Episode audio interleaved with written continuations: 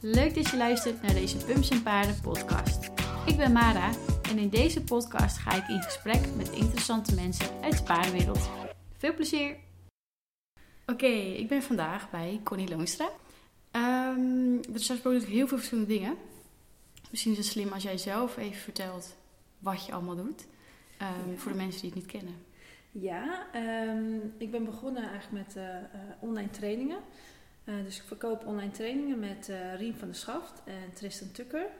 En daarnaast organiseer ik evenementen. de masterclass, een jaarlijks evenement voor de zuurruiters. En trainingsdagen sinds kort. Um, kunnen mensen meerdere dagen komen slapen. En met een paard nemen ze dan mee. En dan kunnen ze allerlei lessen volgen, workshops. En ja, dat is eigenlijk het belangrijkste. Daarnaast nog bezig met een app, Equipro. Kunnen mensen een filmpje maken van hun rijden, uh, opsturen naar een trainer en dan feedback krijgen. Dus eigenlijk uh, de online trainingen, evenementen en de app. Ja, um, hiervoor was je bedrijf natuurlijk Paard en Lifestyle. Hè? Dat was een soort ja, digitaal magazine. Ja, nou um, eigenlijk begonnen als een blog. In 2011 ben ik begonnen met de blog Paard en Lifestyle. En ik kwam er eigenlijk achter dat ik het heel leuk vond om dingen te delen uh, kennis te delen, mijn eigen inzichten. Um, en ik ben toen ook een online magazine gemaakt. En dat is eigenlijk waar jij naar refereerde. Ja. ja. Dat is eigenlijk gewoon een tijdschrift, maar die kon je dus online doorbladeren. Die heb ik volgens mij zes keer gemaakt, elk kwartaal. Maar dat was wel heel veel werk. Het was wel leuk om te doen, maar wel heel veel werk. Dus daar ben ik op een gegeven moment wel weer mee gestopt. Want ik ging meerdere dingen daarnaast doen. Um, ik, ik, begon toen eigenlijk ook met die online trainingen. Oh, dat kwam ook wel toen uh, ja. tegelijk. Okay. Ja. ja. Ja. dus met paard en lifestyle ben ik daar al mee begonnen. Ja. Online workshops uh, ben ik ook gaan uh, organiseren. En wat wel belangrijk is, um, ik geef dus zelf geen les. Ik ben zelf gewoon hobbyruiter. En ik werk dus samen met trainers die in mijn ogen het dus heel goed weten.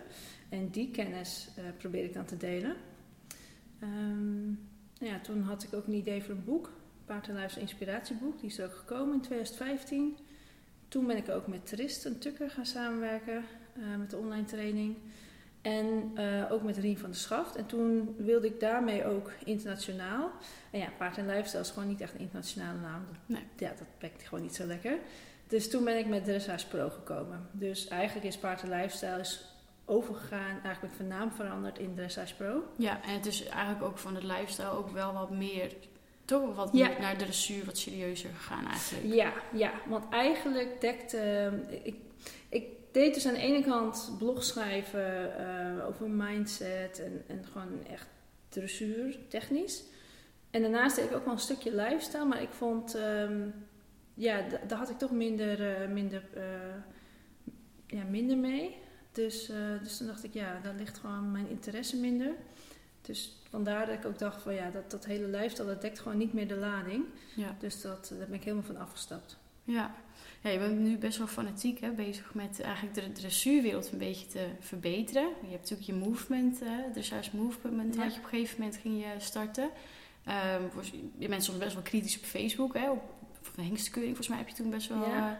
Uh, waar komt jouw drive dat je die, die dressuurwereld zo graag wil ja, verbeteren of, of meer ontwikkelen? Nou, dat komt eigenlijk toch wel vanuit mijn eigen ervaringen. Ik rijd dus zelf gewoon dressuur. En ik, het is eigenlijk gekomen um, doordat ik Rien heb ontmoet. Nou, eigenlijk ook door Tristan. En toen hoorde ik van hen dingen dat ik dacht van jeetje, waarom hoor ik dat nu pas? Waarom hoor ik dat nadat ik al 25 jaar eigenlijk op een paard zit? Um, en dat heeft mij zo geholpen. Daar werd ik zoveel ja, ik vond gewoon daardoor de sport veel leuker. Het paardrijden ging gewoon veel beter. En daarvan heb ik zoiets van, ja, ik wil gewoon dat iedereen dat zo ervaart. En doordat je veel met hen omgaat en veel van hen leert, ga je, dan ga je ook meer dingen opvallen. Dus je begint dan ook meer dingen te zien. Ja, je traint eigenlijk een beetje je ogen. Ja, ja. ja. dus je begint dingen te zien van dat je denkt van, hé, maar volgens mij is dat, hoort dat zo helemaal niet. Of dan krijgt iemand hoge punten en denk je, ja, maar volgens mij is dat helemaal niet een correcte manier van rijden. En moeten we dat helemaal niet willen. En um, ja, ik, ik denk dat het toch vanuit mezelf, ja, toch mijn eigen, eigen ervaring. En ja, doordat je dat dan ziet, dan denk ik van, ja, volgens mij heb ik wel de mogelijkheid om daar ook mijn steentje aan bij te dragen. Ja, omdat je had natuurlijk al een groot publiek. Ja. Goed gebruiken, inderdaad. Ehm, hoe kijk jij naar de huidige dressuurwereld? Ehm, nou, ja, gemengd.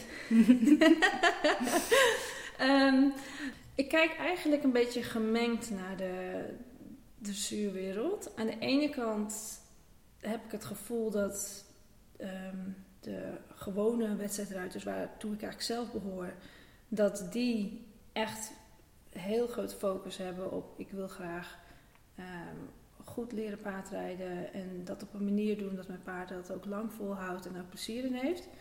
En die zijn volgens mij ook bereid om daarin te investeren, tijd te investeren, geld te investeren. En die willen ook niet dat presteren onder dwang en druk en dergelijke. Ehm, maar ik heb wel het idee dat die laag daarboven, dat die moeilijker te bereiken is. En ik kan me dat ook wel voorstellen, want als je bepaalde successen hebt behaald, dan ben je eigenlijk bevestigd, hè, word je bevestigd in wat, datgene wat je doet. Je hebt misschien ook niet mensen om je heen die heel kritisch op je zijn. Zou, althans, dat, dat aanname. En dan is dat ook wel lastig, omdat als je al successen hebt gehad, om dan een andere richting te kiezen. Want ja, je hebt al dat en dat gewonnen, dus je doet het goed, dus waarom zou je het anders moeten doen? Ja. Dat vind ik wel lastig. Terwijl ik vind... zij tegelijkertijd ook wel een soort voorbeeldrol hebben eigenlijk. En ik vind het ook wel typerend voor de paardensport. Want als je kijkt naar andere sporten, heb ik toch het gevoel dat, dat men kritischer is op hoog niveau. Dat men toch kritischer naar zichzelf zijn. Als ik dan even trek naar de ondernemerswereld, hè, van ondernemerschap. Daar heb je uh, hele succesvolle ondernemers die heel veel dingen volgen, in zichzelf blijven investeren, boeken lezen, seminars volgen, met andere mensen overleggen continu bezig zijn om zichzelf te verbeteren. Ehm, en, en heel kritisch zijn en, en telkens ook met, met andere mensen. Dus, dus telkens kijken, oké, wat kan ik nog beter doen? en verbeteren, ja. Ja, en dat mis ik wel. Althans, dat idee heb ik. Hè. Ik zit natuurlijk niet in de topsportwereld, maar dat is wel een beetje het beeld wat ik heb. Dat, dat mis ik een beetje. En dat zal natuurlijk niet bij elke topsporter in paardsport zo zijn. Maar over het algemeen vind ik dat wat beperkt. Ja, want jouw, jouw grootste doelgroep bij Dressage Pro is? Wat, dat zijn eigenlijk gewoon, uh, gewoon een wedstrijd. Ja, dus van B tot Z, daar alles nee, hoger. Oké, ja. Ja, ook wel gewoon subtop. Ja. Heb je ook uh, echt uh, Grand Prix mensen die jou volgen? Ja, we hadden bijvoorbeeld de eerste editie van de trainingsdagen. Was, dat was e-, echt wel heel grappig. Um, er waren hier twaalf ruiters en dat varieerde dus van B tot met Grand Prix. En okay. we hadden dus iemand die ZZ zwaar reed, Inter 2, maar ook iemand die Grand Prix reed. Uh, maar ook iemand de B reed en M. Dus eigenlijk is het wel een beetje het hele spectrum, maar dat zijn wel de mensen die vaak nog een baan erbij hebben. Dus ook ja, die Grand Prix ruiter, die rijdt dan wel Grand Prix, maar die had nog wel een andere baan erbij. Het zijn niet echt de, de professionele ruiters die echt alleen maar in de paarden werken. Nee, nee, minder. Nee. Die heb je minder. Ja, ja. ja. Terwijl je daar eigenlijk eerder van zou verwachten dat die eigenlijk veel meer juist mee bezig zullen zijn om zich ja, te verbeteren. En dat is dus niet zo. En Ja. dat is eigenlijk heel gek. Ja. Dat, vind, dat verbaast me ook met online training. Kijk, tuurlijk zie ik wel met online trainingen eh, namen voorbij komen dat ik denk van, oh wat leuk, hè? die hebben een stal en die zijn echt wel bekend. Ehm, maar over het algemeen, ja, heb ik toch het gevoel dat ze toch Misschien zit er ook een stukje soort van arrogantie in dat ze denken dat ze het niet nodig hebben of niet toe- toegevoegde waarde hebben wat, Ja. wat, ze- wat ze eruit kunnen halen. Ik denk dat dat ook mee kan spelen. En misschien soms ook wel het stukje, alhoewel online training is natuurlijk best wel heel veilig. Hè? Niemand hoeft te weten dat je dat volgt. Ja.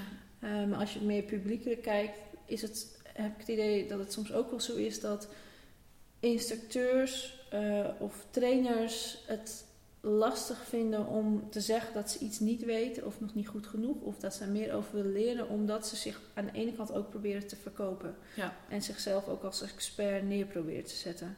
Dus ik snap ook wel dat dat ook wel lastig is. Aan de andere kant vind ik het juist een, een hele grote kracht als je aangeeft dat je iets niet weet.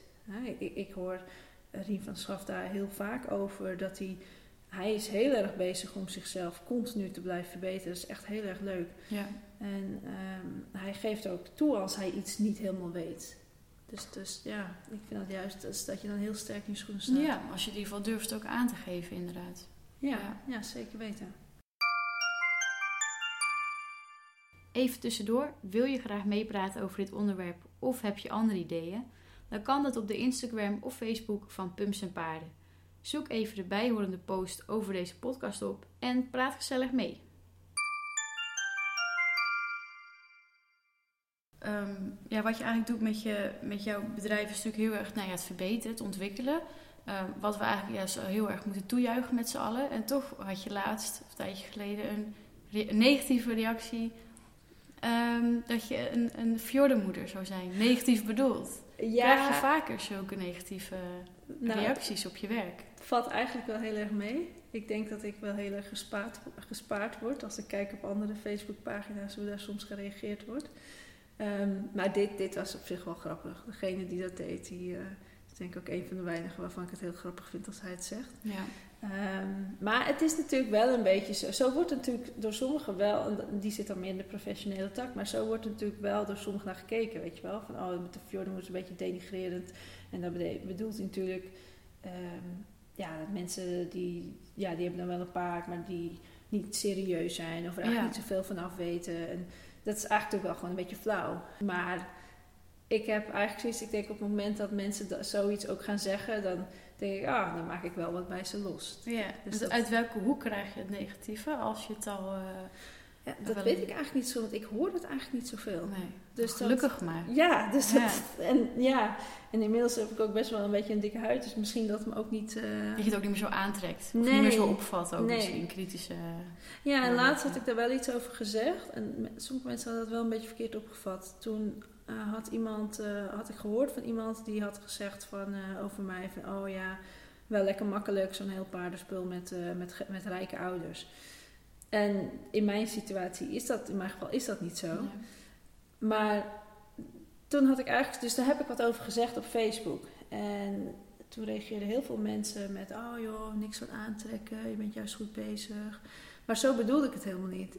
Eigenlijk, als je iets ziet, eh, als je iemand ziet die uit een vergelijkbare situatie komt en die presteert iets wat je ook graag wilt, in plaats van dat je dan heel snel een reden bedenkt waarom, dat, die, waarom diegene dat wel is gelukt en, en jij niet, moet je juist bedenken van hé, hey, wat, wat fijn dat dat mogelijk is. Dus het is ook voor mij mogelijk. En, en hoe heeft diegene dat gedaan? Kan ik daar inspiratie uit halen of kan ik daar iets van leren?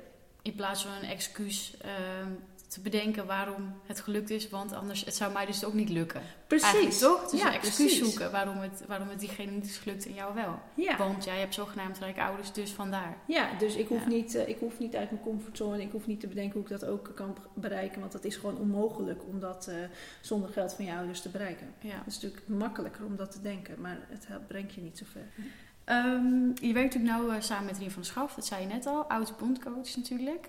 Eh, je hebt natuurlijk nu het eh, instructeursgedeelte. Hè? Je, hebt- je organiseert dan dagen voor... eh, Trainersclub? Ja, instructeurs die natuurlijk voor de KNS werken. Ehm, heb je contact met KNS? Werk je met ze samen? Nee, nee eigenlijk Want je niet. zit natuurlijk een beetje op hunzelfde pad daarmee. Ja, maar ik wil daar niet mee concurreren. Dat is niet mijn bedoeling. Kijk, zij hebben een instructeursopleiding en wij blijven daar ook een beetje eh, van die term ook af. Ehm, wat we eigenlijk gewoon willen bieden is. We willen eigenlijk gewoon zorgen vanuit onze eigen visie eh, dat instructeurs beter worden.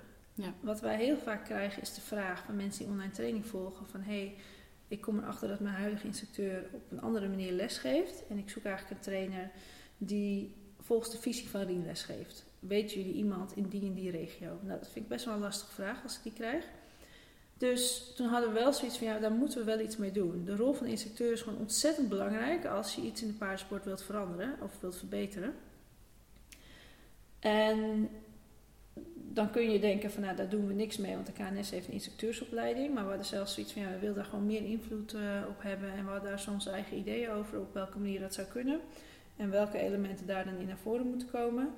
Dus toen, eh, ja, weet je, ik ben aan niemand verbonden of wat dan ook. Dus ik had het idee en ik denk, dat gaan we gewoon doen. Dus ja, Ja. eigenlijk heel simpel. En, eh, en, en zo is dat eigenlijk ook gegaan. Ik heb daarbij, ehm, ik, werk samen met Anne Loosveld. Ik ken haar al, eh, al langer en we hebben een leuke klik samen en we vullen elkaar leuk aan. Dus ik dacht, ja, het is gewoon heel tof om dat samen te doen. Dus dat hebben we eigenlijk in januari gecommuniceerd. We wilden met een traject starten, een jaartraject voor 50 instructeurs. En, um, Hebben die zichzelf dan... Uh, je, je hebt een oproepje geplaatst, denk ik? Ja. Precies, ja. ja. En dan konden ze zich aangeven of aanmelden als ze dat uh, Ja, als ze daar aan mee wilden doen. En we hadden dus plek voor 50. Nou, we zijn er een klein beetje overheen gegaan. Maar um, um, eergisteren dus de eerste bijeenkomst gehad en het was echt superleuk. Um, en het, het werkt. Kijk, voor mij is het wel makkelijker dan bijvoorbeeld voor een KNS. Ik ben aan niemand verantwoording eigenlijk verschuldigd. Ik, ik kan gewoon doen en laten wat ik wil. En, en dan, de lijntjes zijn heel kort, dus wij kunnen ook heel snel schakelen. Um, ik kan in feite uh, ook iedereen bereiken die uh, de KNS kan bereiken. Dus ik heb ook niet echt een samenwerking in die zin nodig. En dan, dan doe ik het ook liever niet, omdat ik dan veel makkelijker kan schakelen. Als moet ik toestemming vragen aan die. En qua ja, je blijft onafhankelijk eigenlijk. Ja, precies. En qua lesmateriaal moet die naar kijken en die moeten naar kijken en die moeten naar kijken. Daar heb ik helemaal geen zin in, want dat vind ik veel te lang duren.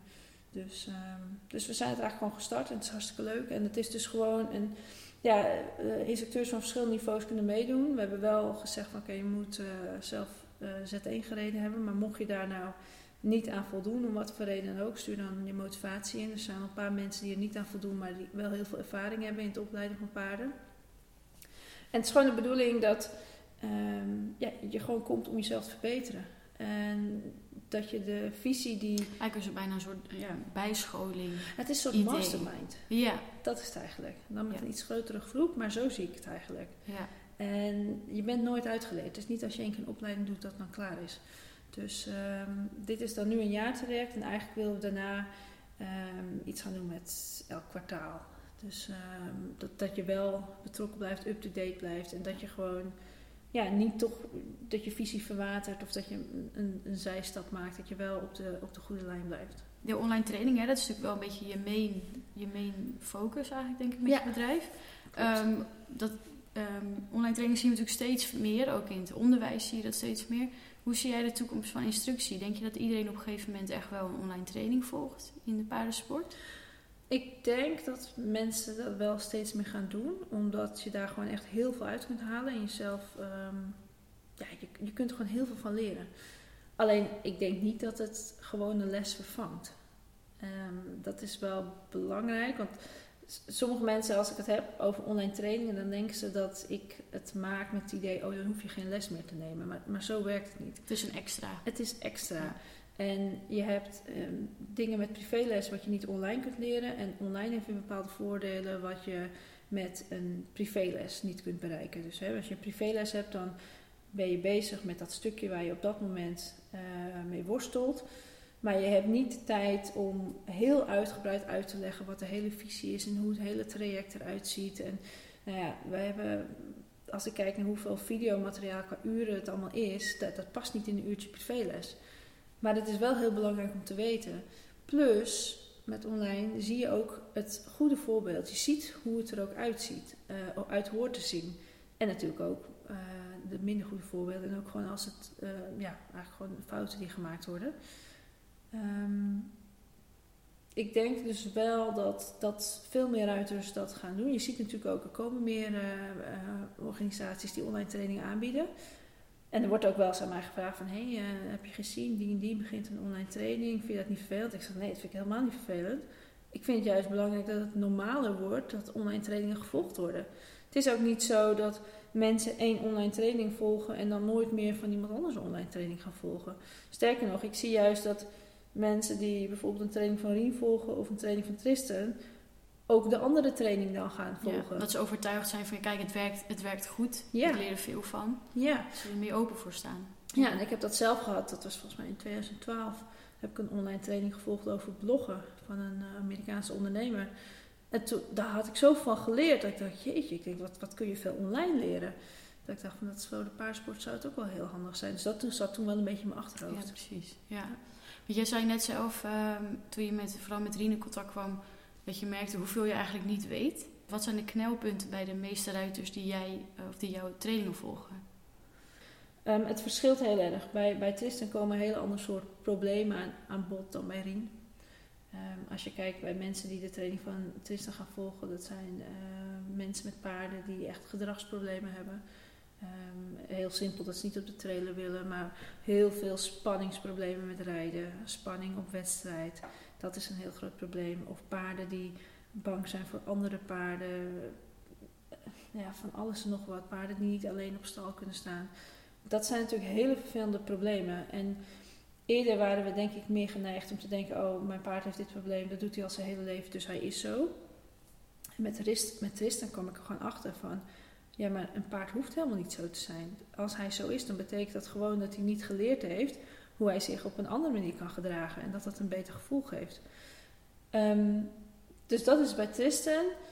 Bij Rien zijn het echt technische problemen. Dus problemen met de aanleuning, dat is eigenlijk een hele belangrijke. Ja. Uh, problemen met paarden die niet goed voorwaarts zijn of juist veel te loperig zijn. Ehm, wat ook heel veel voorkomt, is problemen als ze meer met verzameling bezig zijn. Dat ze dan merken dat, de rug, dat ze te strak worden, de paarden, dat ze zich eruit willen drukken.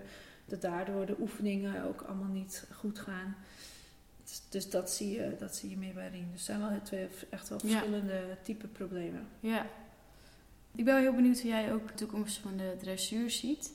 Um, wat ik zelf ook heel, geval wat ik een beetje het idee heb, is dat er ook wel een verschuiving is in de jeugd. Waar je natuurlijk vroeger natuurlijk vooral Ankie van Grunsven uh, als voorbeeld zag, zie je nu heel veel eigenlijk kinderen die uh, nou, iemand zoals Jesse Drent helemaal geweldig vinden. Hè? Dus heel bezig zijn met bidloos.